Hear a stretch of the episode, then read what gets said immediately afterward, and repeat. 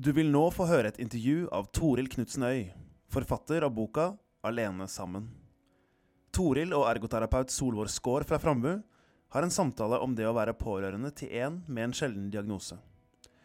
Sosionom Lise Hoksmark uttaler seg også om pårørenderollen. Mitt navn er Lise Beate Hoksmark. Jeg er seniorrådgiver på Frambu. Pårørendes situasjon og deres betydning for den de er pårørende til, blir i økende grad lagt merke til og synliggjort i offentlige dokumenter.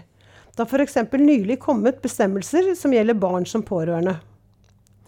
I intervjuet forteller Toril Knutsen Øy om to sider ved det å være pårørende som fortjener økt oppmerksomhet. Det å være pårørende til noen som har en sjelden diagnose, og det å være pårørende til ektefelle og barn med samme sjeldne diagnose, det vi kaller dobbeltpårørende.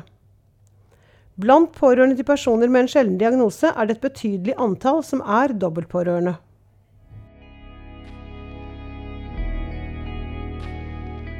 Toril, du har skrevet en bok som heter 'Alene sammen lengsel etter helhet og balanse'. Kan du si litt om hvem du er, og hvorfor du har valgt å skrive denne boka? Ja, hei, jeg er, heter Toril Knutsenøy. Um, har valgt å skrive boka fordi jeg har vært pårørende til en med sjelden diagnose i 32 eh, år. Var gift med mannen min. Vi har en eh, datter sammen som eh, fikk diagnosen hun var ni år, og vi har en frisk sønn sammen.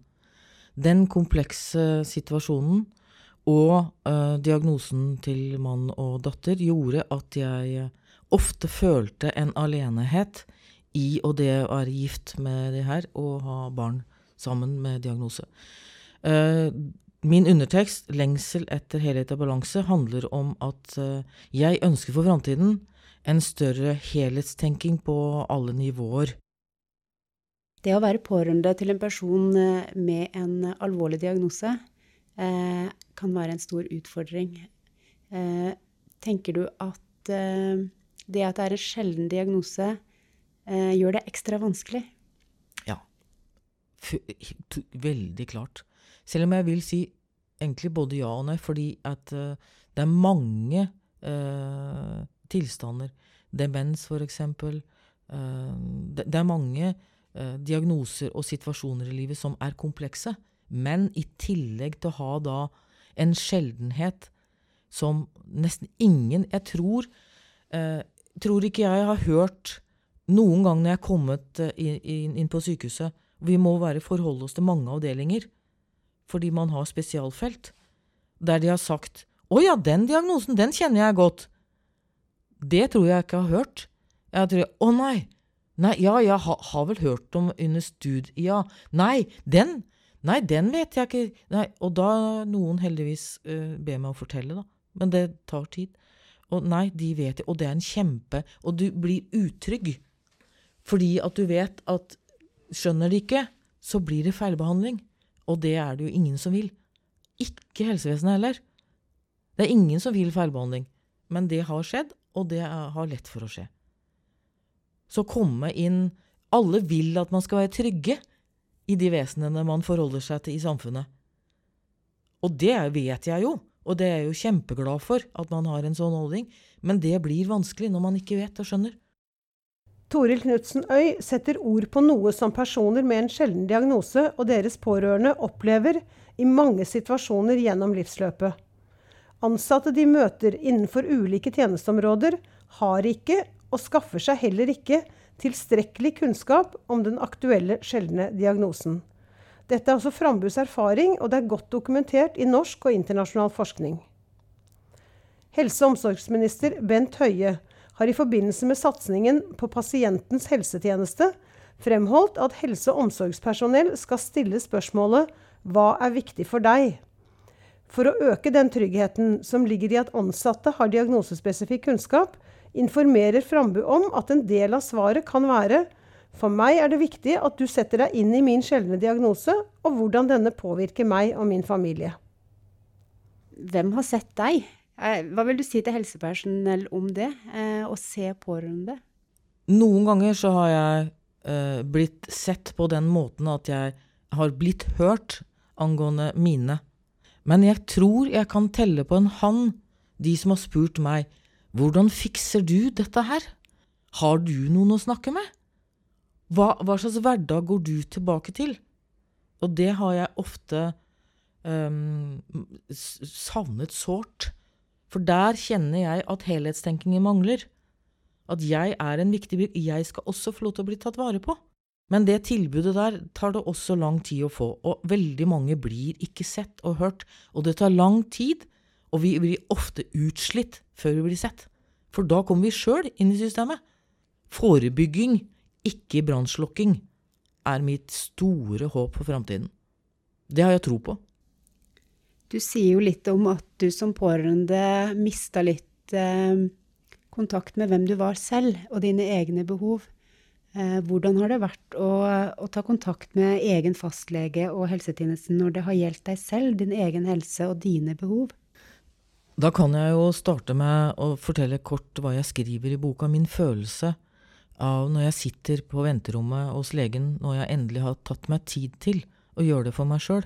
For jeg har merket at nå, nå er det på nippen til å bli for sliten, eller at jeg kjenner at det er noe som jeg må snakke med legen om.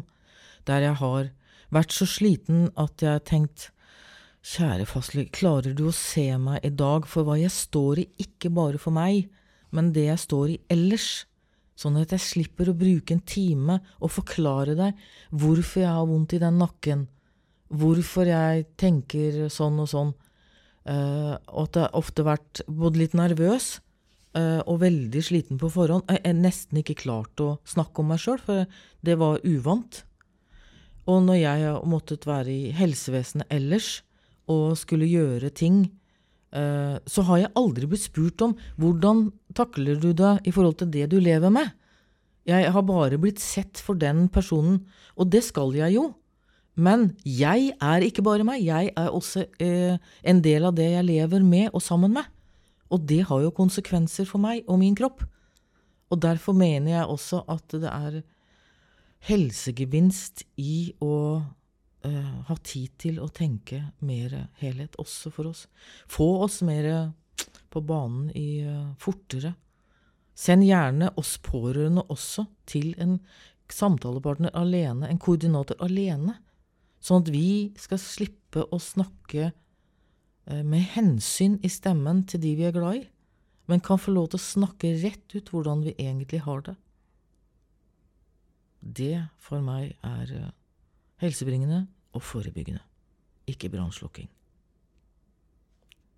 Tore Knutsen Øy understreker behovet for å bli hørt i den viktige pårørenderollen for å skape trygghet for sine familiemedlemmer med en sjelden diagnose. Samtidig fremholder hun betydningen av å bli sett som den hun er, som en person med egne behov. Mange pårørende vil kjenne seg igjen i dette. Frambus erfaring er likevel at disse to aspektene forsterkes hos dobbeltpårørende, som oftere opplever at de er mer alene i utøvelsen av pårørenderollen. Det er tatt skritt i riktig retning for å sikre en bærekraftig omsorgsutøvelse, der pårørende ikke bare behandles som et omsorgsmiddel, men som et mål i seg selv. Det finnes nå en egen paragraf i helse- og omsorgstjenesteloven som omhandler kommunenes ansvar overfor pårørende. Her heter det at kommunen skal tilby nødvendig pårørendestøtte, bl.a. gjennom opplæring og veiledning, avlastning og omsorgsstønad. Dette er viktige tiltak. Det er også kommet en veileder som handler både om å involvere pårørende og å støtte dem. Her heter det bl.a. at helsepersonell bør løpende vurdere pårørendes behov for støtte, og være oppmerksom på pårørende som er i en særlig utsatt situasjon, som krever en ekstra aktiv og oppsøkende tilnærming fra helse- og omsorgstjenesten. Dobbeltpårørende er i en slik særlig utsatt situasjon. Hvis du skal velge ut eh, den viktigste beskjeden du ønsker å gi til helsepersonell eller andre i tjenesteapparatet eh, i forhold til det du er opptatt av, hva ville det være? Tenke at når en pasient kommer inn, så lever den pasienten i uh, ikke bare seg selv, men i en omstendighet. Få tid nok til å sette dere inn i hele bildet. Se helheten. Ja. ja. Mm.